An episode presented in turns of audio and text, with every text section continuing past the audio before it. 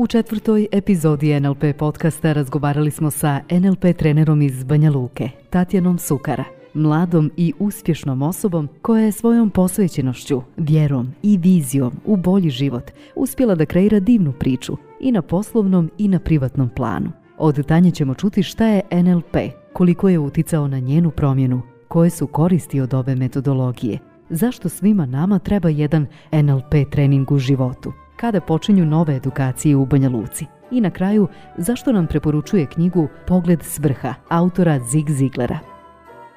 Ovaj intervju smo snimili u njenoj kancelariji jednog subotnjeg popodneva, krajem jula, ovog varljivog ljeta 2018.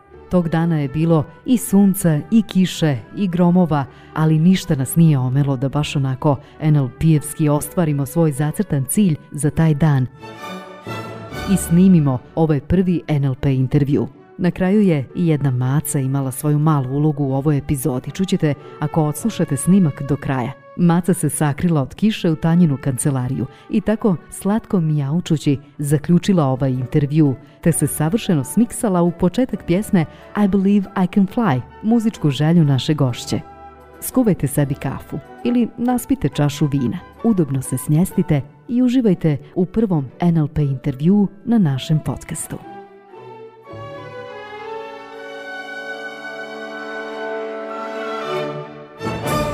NLP intervju Kao što smo najavili u prethodnoj epizodi, naš današnji gost je naša draga Tatjana Sukara, NLP trener iz Banja Luke. Taco, dobar dan, dobrodošla. Dobar dan Snježo, bolje te našla. Iako smo mi u stvari tvoji gosti, danas snimamo ovaj intervju u tvojoj kancelariji. Hvala ti što si odvojila vrijeme da malo porazgovaramo o NLP-u, da ljudima malo razjasnimo ovaj pojam koji zvuči pomalo i nekima komplikovano, totalno nepoznato, intrigantno i tako dalje. Pa evo za početak, evo ja ću te uh, zamoliti da objasniš uh, najprostije, najjednostavnije pojam NLP-a Ok, uh, e, kao prvo hvala tebi što si me pozvala da budem tvoj gost, mm, zaista mi je drago. Najprostije rečeno, znači NLP je skraćenica od neurolingvističko programiranje, a predstavlja način komunikacije, kako sa drugim ljudima, tako i nas samih sa sobom. Mi dosta vremena provodimo i pričajući sami sa sobom, a kako da motivišete sebe i druge u cilju postizanja izvanrednih rezultata u svakoj oblasti života. To jeste, ljudi često uspjeh vežu za novac. Ali kada NLP u pitanju i uspjeh, dešava se da bi mi izgradili karijeru, neki izgube zdravlje, e, jedni unište svoju porodicu i tako dalje. A cilj je da u stvari živimo uspjeh u svakoj oblasti. E, razvili su ga 70. godina u Americi lingvista John Grinder i matematičar Richard Bandler. A oni su precizno analizirali šta je to što razlikuje najuspješnije psihoterapeute tog doba od onih koji su bili manje uspješni i taj model oni su primijenili i na ostale oblasti života. Primijetili su da dvoje ljudi obavlja isti posao uz različite rezultate, znači jedni su bili jako uspješni dok drugi su ostali na nekom prosjeku. Kaže se da je uspjeh jednako stručna znanja i vještine plus komunikacija na kvadrat. Znači da bi imali zaista uspjeh, nužno je da imate i jedno i drugo. Često se dešava da se ljudi izgrade da imaju stručna znanja, ali da nemaju komunikacije. Dok oni drugi izgrade se imaju dobre komunikacijske vještine, pa često se kaže lako se proda. Jeste, ali to na duge staze, znači ne ide da kažem, nije dugoročno. NLP model se koristi u rukovodđenju, u prodaju, marketingu, zdravstvu, u vaspitanju, u partnerskim odnosima, obrazovanju, poslovanju, kao i mnogim drugim oblastima života. E, šta je to što se krije iza riječi neuron? Vjerujem da se mnogi pitali kako funkcioniše naš nervni sistem. Ljudi upotrebljavaju čula, znači vid, sluh, dodir, miris i ukus, da bi osjetili svijet oko sebe. Mi kada koristimo čula, ona izazivaju određene emocije. Ta emocija odrađuje naše misli, a koje na kraju odrađuju naše ponašanje. Iz spomenutog razloga NLP se bavi umom, svjesnim i nesvjesnim, koji su konstantan predmet istraživanja NLP-a. Čulo izaziva emociju, emocija proizvede reakciju, željenu ili neželjenu, što na kraju predstavlja i naše ponašanje i određuje znači naš put uspjeha. Prema Freudovom mišljenju jezik je vrhunac ljudskog razvoja i glavno sredstvo kojim ljudi raspolažu da bi aktivirali neurološke veze, nužne da bi se razumio neki događaj i kako bi mu se dalo značenje. Da bi to uprostili, riječju mi komuniciramo i izazivamo emociju koja može biti dobra ili loša, zavisno od kakve smo neuronske mreže vezivali za riječ tokom života. Sa druge strane, riječi su samo površinska struktura kojom se okidaju čulna iskustva i obrast. NLP koristi riječ kao moćno sredstvo u procesu promjene, a i same su neizostavan dio našeg života, jer mi svaki dan najviše razgovaramo sami sa sobom i veoma je bitno koje riječi koristimo u toj komunikaciji. Još od malih nogu, djeca jedni drugima su znali da kažu ružne riječi, pridaju razne epitete drugima. I mi smo ih naravno tad učili, to nije lijepo i to nije dobro. Međutim, šta je kada mi sami sebi govorimo te riječi? Pa često sebi kažemo ja sam nesposoban, ja to ne mogu. A to ne bi dozvolili da nam drugi kažu, tako govorimo sami Tako sebi. je, ali sami sebi vrlo lako e, dozvolimo. Ono što bi ja željela da vam kažem, a to je da u stvari je mnogo bitnije šta govorite sami sebi nego šta vama neko drugi kaže no, i šta kažu o vama. Eto. Sljedeća stvar je šta se krije iza riječi programiranje. Zato što istražuje programe, tačnije obrazce koji se odnose na naše unutrašnje procese, odnosno unutrašnje programe razmišljanja, a koje smo sticali tokom čitavog života. Mi možda nismo svjesni da smo programirani i da je svako isprogramiran na svoj način. Vjerovatno pitamo kakav. E pa vaši roditelji, okruženje, vaspitači, mediji su kreirali vaše programe i način razmišljanja. Ono čime se NLP bavi jeste da pronađe programe koji vam nisu podržavajući i koji vas prečavaju u razvoju i rastu, te uz pomoć tehnika NLP-a da vaša stara uvjerenja i vrijednosti otkrije, znači ta da kažem, koja vam nisu od koristi i da ih na jedan način reprogramira i da vam stvori nova podržavajuća uvjerenja sa kojima ćete moći da živite mnogo veći uspjeh. E, najveći uticaj na djecu je period od 3. do 7. godine, Tako da ako djetetu u tom periodu govorite kako je trapavo, kako ništa ne zna, kako mora da radi sve što mu se kaže, to će njemu da ostane za života. I onda kada odraste, pojavljuje se nedostatak samopouzdanja, nesigurnost i mnoge druge neželjene reakcije. A onda dolazimo do situacije da te obrazce moramo reprogramirati. Nažalost, mnogi od nas su programirali na jedan šablon, a to je da budemo dobri, umjesto da budemo dobro, da se osjećamo lijepo u vlastitom tijelu. NLP intervju. Nastavljamo dalje. Ono što bi svaki uh, lajk, odnosno neko ko ne poznaje NLP metodologiju i NLP pojam, pitao uh, tebe, na primjer, kao trenera, koje su koristi od tog NLP-a? To sam se i ja pitala kada sam odlučila da malo više proučavam ovu metodologiju. Stalno sam se pitala koje su koristi, koje su koristi, pa sam malo istraživala da, da čujemo od tebe iz prve ruke. Pa znači, kako sam već u prethodnom pitanju navela da je on primjenjiv u svim životnim oblastima, pa tako i u svakodnevnom životu.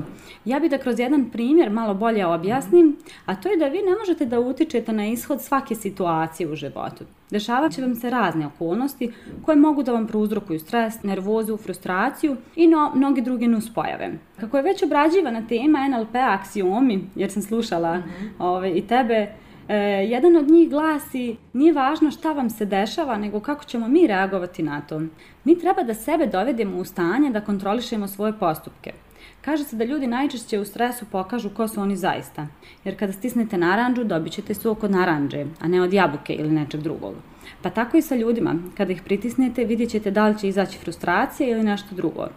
Ono što je dobra stvar, to je da sve možemo promijeniti i naučiti, pa tako i da kontrolišemo sebe i svoje postupke zarad višeg dobra po nas. Ukoliko zaista primijenite aksijom da nije važno šta vam se dešava, već kako ćete vi reagovati na to, u momentu kada bi nastupio stres, nervoza i da zaista u tom momentu prisjetite se tog aksioma i dozvolite sebi da jednom reagujete drugačije nego što ste inače navikli. Da smirite situaciju koliko je to moguće. Na primjer, E, dešava se da ste u saobraćaju reagovali burno, da ste trubili, nervirali se, frustrirali se, ali kud vas to vodi? Samo ćete sebe da dovedete u loše stanje, a takvo stanje na dugoročne staze vrlo lako može dovesti do bolesti. Jer jedan drugi aksijom kaže da su um, tijelo i emocije dijelovi istog sistema i da neizmjerno utiču jedan na drugi. Dakle, ne može se desiti promjena na jednom, a da se ne odrazi na taj drugi.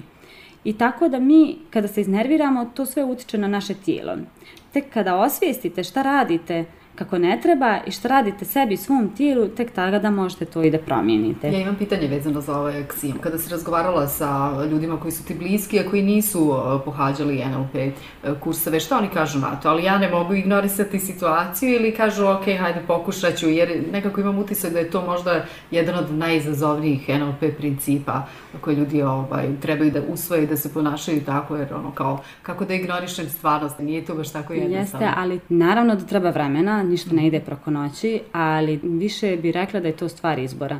Jer to je ono kao da držite drvo i kažete, ali ja ne mogu da ga pustim. Naravno da možeš, samo je stvar izbora. Jeste. I naravno želim da kažem da ovo samo jedan mali segment NLP-a koji može pomoći u svakodnevnom -hmm. životu. Mm -hmm. Slažeš li se sa konstatacijom da svakome od nas treba jedan dobar NLP trening, barem jednom u životu, ili barem ovaj bazični nivo? Meni je mnogo pomogao. E, apsolutno se slažem sa konstatacijom. E, najidealnije bi bilo kada bi svi prošli bar jedan e, praktičarski program ili bolje rečeno NLP putovanje.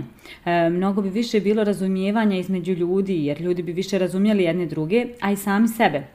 Mnogo više bi bilo motivacija, a manje manipulacije. Često se dešava da se takmičimo jedni između drugih, ko je bolji, a ko je kvalitetnija osoba i tako dalje. Međutim, nakon NLP p-a vi ćete shvatiti da se možete takmičiti samo sami sa sobom. Da se takmičite da sutra budete bolji nego što ste bili juče. Jedan dodatan razlog jeste i pitanje zdravlja. Znate da još stari narod kaže sve iz glave. Pa čak i novije studije pokazuju da određene bolesti dolaze psihomatski i da stanje uma igra veliku ulogu pri ozdravljenju. NLP tehnike vam pomažu da pronađete balans Ujedno ćete uticati na vaše emotivno stanje, a to će uticati na bolje zdravstveno stanje. Samo da, evo sad iskoristimo priliku da napomenemo kada kreće uh, prva, odnosno nova generacija NLP praktičara ovdje u Banja Luci. E, znači sljedeća generacija kreće u oktobru. U oktobru. Jeste, krajem oktobra, s tim da su prijave već otvorene. Aha, prijave su već otvorene. Koja stranica hoćemo na Facebooku reći? I Može i na Facebooku Vision of Life mm -hmm. ili na mail info at visionoflife.co. I nova master grupa, ako se ne vara u master grupa. Jeste. Tu ću da se nađemo obavezno jer nastavljam dalje. E, htjela bih da te pitam koliko je tebe promijenio NLP? E, pa ja sam na NLP krenula kako bih pomogla sebi. Ja zaista na samom početku nisam uopšte imala cilj da to postane i moj profesionalni razvoj. Mislim da je mene NLP vratio na pravi put. Put da živim sretan i uspješan život, popločan uspjehom. I to uspjeh, uspjehom u svakoj oblasti mog života. Da volim i uživam u poslu koji radim, da imam stabilnu i sretnu porodicu, da moje zdravlje je odlično, da imam zdravo okruženje, te da sam u stanju da svakodnevno motivišem sebe i druge i da živim život kakav zaslužujem. I koliko je ta tvoja promjena uticala na tvoje okruženje? E, poprilično. Jer ja sam kroz NLP shvatila koliko je vrijeme dragocjeno i da jednostavno ponekad ljudima i situacijama treba da kažem ne. A bila sam u stanju da radim stvari samo da bih ispoštovala nekog ili nešto. Da se viđam sa nekim samo reda i radi, jer Bože moj, učili su me da je to red i da to tako treba. Tako je. Moj savjet za sve vas je kada niste sigurni da li imate vremena za kafu sa nekim, a taj neko vas zove, niste sigurni da li vam je on dobro društvo, samo se zapitajte imam li ja život za to. Da li je to vrijeme iskorišteno na način da ću biti srećniji i zadovoljniji ili srećnija i zadovoljnija? Ako je odgovor ne, onda nemojte to sebi da radite. To možemo povezati sa onom vježbom na NLP practitioner treningu kada smo dobili onu špagicu pa smo sjekli yes. dijelove koliko potrošimo yes. na spavanje, koliko na obrazovanje, koliko na posao, koliko na neka druženja koja nas možda ne yes. čine sretnima. I onda vidite koliko vam zaista vremena ostaje za yes. vas. Ono što kaže uvijek treba mi mojih pet minuta. Kada sam ja kod sebe ovo primijenila, mnoge stvari su se, da kažem, isto promijenile. I to ne samo da možete e, promijeniti ovo u odnosima sa drugim ljudima, već i u drugim nekim situacijama. Ako nešto treba da radite, e, negdje idete, samo se zapitajte imam li ja život za to. Vi ne možete da upravljate vremenom, međutim ono što je dobro možete da organizujete sebe u vremenu. Ljudi rade posao koji ne vole, zato što ih je neko uvjerio, šuti, sjedi, posla nema, gdje ćeš da daješ otkaz. Mislim, bila sam jedna od tih, tako da znam kako je to, a vi možda više ne možete da izdržite na tom poslu. Vaše tijelo počne da daje signale da više ne može da izdrži i tu se onda javlja bolest ili neko drugo teže psihološko stanje, depresija, ljutnja. E pa vi se onda samo lijepo zapitajte da li imate život za to. Jeste, ljudi samo treba da možda se postave pitanje da li je ovo stvar izbora ili ja nešto zaista moram, ali većinu stvari u stvari ne moramo, a kad kažemo da, je, da možemo da biramo, onda imamo i odgovornost, imamo i moć, Tako. ali onda izlazimo iz zone komfora. A tu I rastemo, a tu to je bolno. A to je donekle, bo, pa nije lako, nije lako, ali... Kao i djeca je mala kada da rastu, ima rastemo, nekad jeste. malo ono bolova, Jeste. tako i sa ovim. Tako je. Moje sljedeće pitanje je, ovo me posebno zanima, pošto sam e, kod sebe primijetila, ajde da kažem tu neku želju da sad malo detaljnije analiziram druge ljude, da komuniciram sa njima. E, da li sada ti sa svim znanjima koje posjeduješ često analiziraš ljude i njihov način komunikacije i kada ste u interakciji ili kada su ti ljudi u interakciji jedni s drugima, da li možeš da se, da kažem, odupreš ili ipak moraš malo proanalizirati? E, razumijem šta želiš da me pitaš. Na samom početku, kada sam i ja bila možda e, na tom negdje putu na kom si ti sad, e, prošla si NLP praktičarski program, negdje sam i ja na početku non stop gledala druge ljude i pokušavala, da tako kažem, da analiziram. Međutim, kada živite NLP, vi jednostavno nemate to, i sad ću ja da analiziram, sada neću. Sad ću malo da uđem u raport sa drugim ljudima ili da kažete sebi, e sad u ovoj situaciji NLP mi ne treba i tako dalje. E, vi jednostavno to sve primjenjujete kako na svjesnom, tako i na nesvjesnom nivou. Kada sam u poslovnom okruženju, analiza ide u smjeru da prepoznavam komunikaciju druge osobe i da nas fleksibilno prilagodim kako bi naš zajednički rad bio uspješniji i kvalitetniji. Komunikacija je osnov svega, kako poslovnog, tako i privatnog odnosa. Tako da ako pričamo o privatnom životu i tu je situacija ista, jer ja želim okruženje koje razumije mene i koje ja razumijem. Sve isto i kada pričam sa svojim sinom i sa prijateljima. Analiza, iako bih ja rekla da je to sada stil života, ide samo u smjeru bolje komunikacije i motivacije. E, jednom davno sam čula, znači, analiza paraliza, pa zato, zato uvijek gledam da je to stvarno stil života. Ove, da se nekako i ne opterećujem s tim, ali jednostavno vi kad Dobro, sad je to živite već to... postalo prirodno. Jeste, to Da, je da. sad i, i prirodno ulazim u raport sa ljudima, prirodno motivišem ljude, znači nemam više da, e, sad ću ja da odradim to i to. NLP podcast. NLP intervju. Moje pitanje je koliko je NLP koristan alat liderima, odnosno rukovodiocima? Da li ti često imaš e, savjetovanja sa rukovodiocima, da li dolaze kod tebe na konsultacije? E, Pa liderstvo je tema kojom se najviše bavim i meni možda i omiljena tema.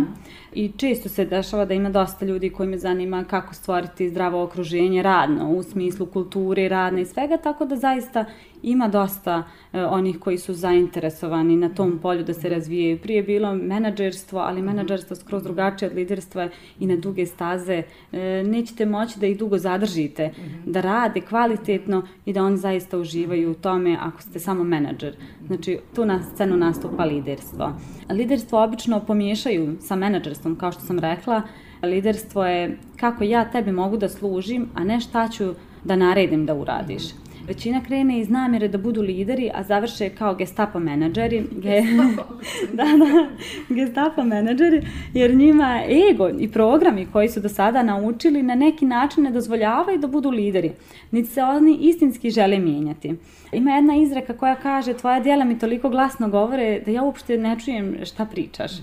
Sa NLP-om ćete naučiti kako da rukovodite sobom, ali i drugima. Prvo, da bi bili dobar lider, vi prvo morate da radite na sebi, a onda da, bi, da vodite i druge ljude. Da li imaš u planu neke radionice u tom smislu?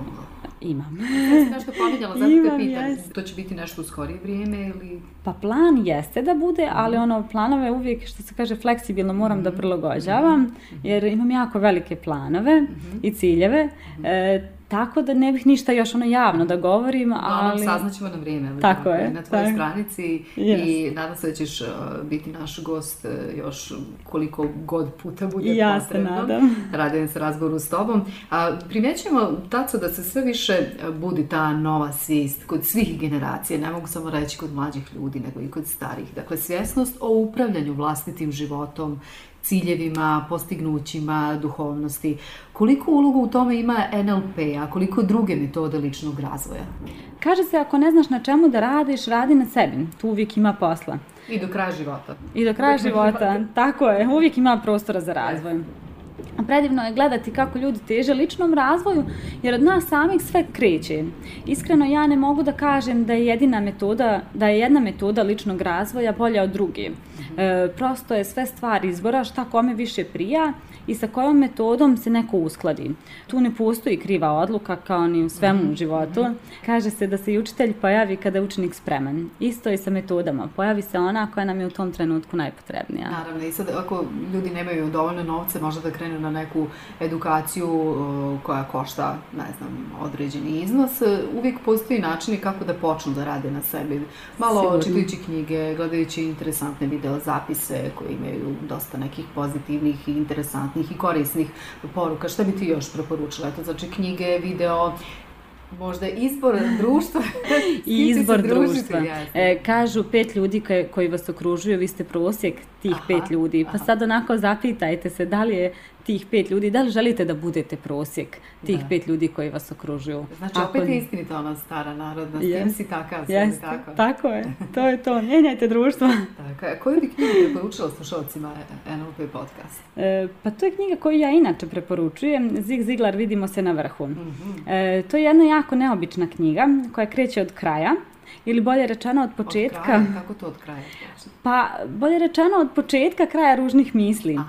negativnih akcija i negativnih reakcija, kraj malodušnosti i očaja, kraj zadovoljavanja sa manjim nego zaslužujete da imate i što ste sposobni da postignete. Kraj uticaja na vaš život, ukratko ovo je kraj najsmrtonosnije od svih bolesti, a to je bolesti krutih stavova. Još jednom, molim te ponovi e, naslov da... E, Zig Ziglar vidimo se na vrhu. Eto, to je Divan preporuka- autor, motivacijni govornik. Preporuka za naše slušalce, ovo me podsjetilo na knjigu Moć sadašnjeg trenutka. Eckhart Tolle nekako upravo tako i počinja od njegovog kraja, Yes. kada on shvatio da je na potpunom dnu i onda je a, uspio da se izvuče iz svega toga. E, Ko je tvoj omiljeni autor? Pa ja ne bih mogla da izdvojim jednog omiljenog autora, ali mogu njih nekoliko, a to je naravno Zig Ziglar, kao što sam već spomenula, koji je sjajan motivator, e, Bob Proctor, izvanredan mislilac, Robin Sharma, savjetnik u liderstvu, kao što sam rekla da mi je liderstvo omiljena tema, i Brian Tracy, divan autor mnogih knjiga o liderstvu, prodaji, ciljevima, strategiji i mnogim drugim oblastima vezanih za biznis. To su, da kažem, po meni top 4 po mom izboru, a naravno ima ih i još mnogih zaista dobrih i autora i knjiga. Hvala ti za preporuku. E, Posebno sam znatiželjna da čujemo od tebe s kojim temama ljudi najčešće ili problemima dolaze kod tebe e, na coaching sesiji. Ti se baviš i coachingom Tako ovdje je. u Banja Luci, pa hajde da čujemo šta to najčešće i najviše e, muči ljude. Pa najčešće u posljednje vrijeme, iskreno da budem, dolaze ljudi koji, da kažem, u poslu su već krenuli onako i zagazili fino i da kažem, vidi se taj uspjeh njihov, međutim, e, nemaju dobru komunikaciju, ne znaju kako da vladaju sa sobom, sa svojim emocijama, često se tu javlja ljutnja, ne znaju kako da se odbrane od tuđih mišljenja, često ih dira ono što neko kaže za njih, pa mislim, šta vas boli briga šta neko kaže za vas, živite svoj život i uživajte u njemu, živite ga najbolje što možete. Ovaj, često ljudi imaju problema u partnerskim odnosima, jer baš iz tog razloga E, trčali su da izgrade karijeru, trčali su na sve strane, a su zanemarili, da kažem, bazu. E, često ih zanima i sa djecom, da poboljšaju komunikaciju, da poprave svoje odnose sa djecom. Znači razne su teme, ali nekako da kažem tog baš ličnog e, razvoja, manje da kažem profesionalnog. Mhm.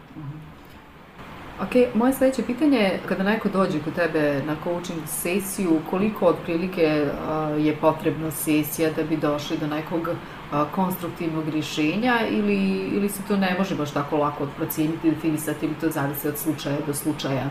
E, prvo zavisi od slučaja do slučaja iz razloga što neko želi da radi na, na više nekih različitih oblasti, Oblasti. jeste, ali otprilike hajde da kažemo nekih 5 do 10 da bar raspetljamo ono što je zapetljano, jeste, što se možda i guralo negdje pod tepih, da bar to otkrijemo i da krenemo da raščišćavamo. To je kao ono e, generalno spremanje kuće nakon zime, pa nam treba onako jedan cijeli dan, možda i dva, da bi sve onako sredili, vratili na svoje mjesto. Samo da malo demistifikujemo za one koji nisu upoznati sa ovim terminom, e, coaching u stvari e, znači postavljanje pravih pitanja klijentu i Tako on je. sam traži resurse u sebi i načine kako da riješi svoj problem. Sam ne uplaše da ne pomisle sad. Ne, naravno, naravno. coaching? E, Postoji tu varijanta i da objašnjavamo na koji način funkcioniše i komunikacija sami sa sobom i sa drugim ljudima, e, kako na koji način da postavite sebi ciljeve. Dođu često ljudi koji u stvari nemaju cilja, oni uopšte se nisu ni bavili s tom temom. Kad ih pitate za ciljeve, to je njima kao...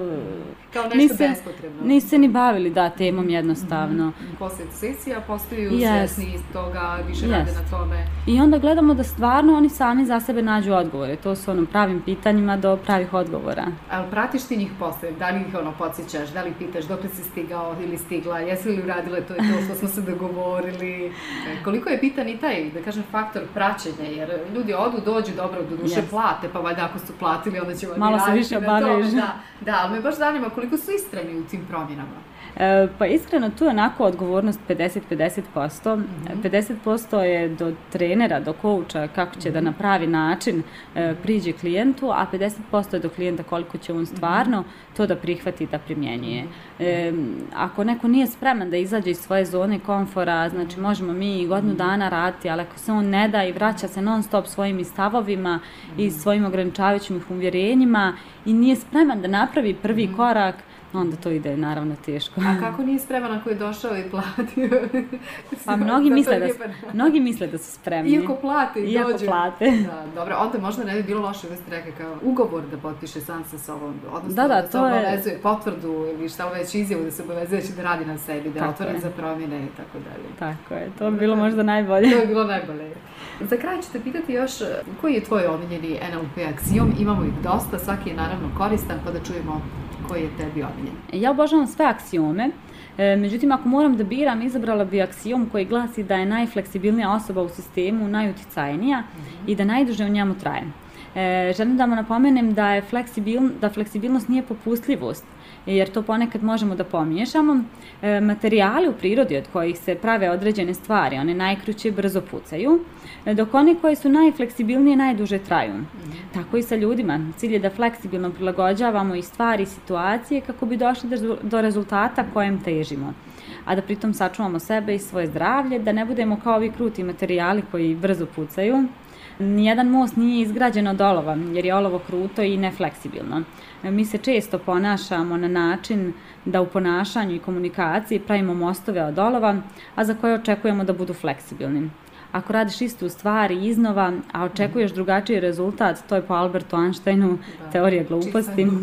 e, znači, mijenjajte ponašanje dok ne dobijete željeni rezultat. Moram priznati da se mene sviđa taj uh, aksijom vezano za fleksibilnost, a nekako mi ima dosta veze upravo sa onim prvim mapa nije teritorija. Najbogatija mapa, odnosno onaj koji ima najbogatiji model uh, svijeta, uh, on je u stvari najfleksibilniji. Jer tako je. Jer je Uvijek zato kažemo širte mapu. Da, tako je. Taco, za kraj, pošto je ovo uh, uh, ajde da kažemo, audio, radio emisija, web emisija, odnosno NLP podcast, imaš li ti neku muzičku želju da ti ispunimo za kraj? A, muzičku želju? Da ti razmisli. Moja muzička želja. Iz jukeboxa je izašlo šta da Jeste, I believe I can fly. Odlično, R. Kelly. Yes. Hvala ti, deco, puno. Mislim da će ovo biti izuzetno interesantan i koristan intervju i a, ljudima koji su upoznati sa pojmom NLP-a, NLP praktičarima, masterima i svim ostalim, ali naravno a, osobama koje nemaju a, nikakve veze sa NLP-om. Sigurno su pronašli dosta toga zanimljivog i korisnog i samo da najavimo da ćemo u sljedećem intervju, nadam se u neko skorije vrijeme, barem u narednih mjesec dana, imati E, opet tvoju priču, odnosno ti ćeš biti naš gost i pričat ćemo o poslovnom uspjehu, yes. kako biti istrajan na tom putu, a kako opet održati balans, jer upravo smo pričali o tome da ljudi imaju često probleme s tim da postignu uspjeh, ali nisu srećni na a, nekim drugim poljima. Znači, balans je ključna stvar, a yes. ti ćeš o tome pričati. Balans je u svemu yes. ključna stvar i radujem se zaista i sljedećoj emisiji i hvala ti na ovoj današnjoj. Hvala i tebi, Taco, nije nas omila ni grmljevina, ni kiša, na kraju pričamo o poslu, o balansu, uspjehu, pa čujemo i Macu koja se šeta ovdje u tvojoj kancelariji u prostorijama Q Laba. Zaista fantastična i opuštena atmosfera u ovoj vašoj, da kažemo, domaćinskoj kući. Mi smo svi o, koji smo išli na NLP praktičarski trening bili o, sretni kad god dođemo ovdje u ove prostorije. Bilo nam je izuzetno prijatno, zato ćemo vjerovatno i nastaviti da se družimo. Hvala, hvala, hvala i tebi. Hvala.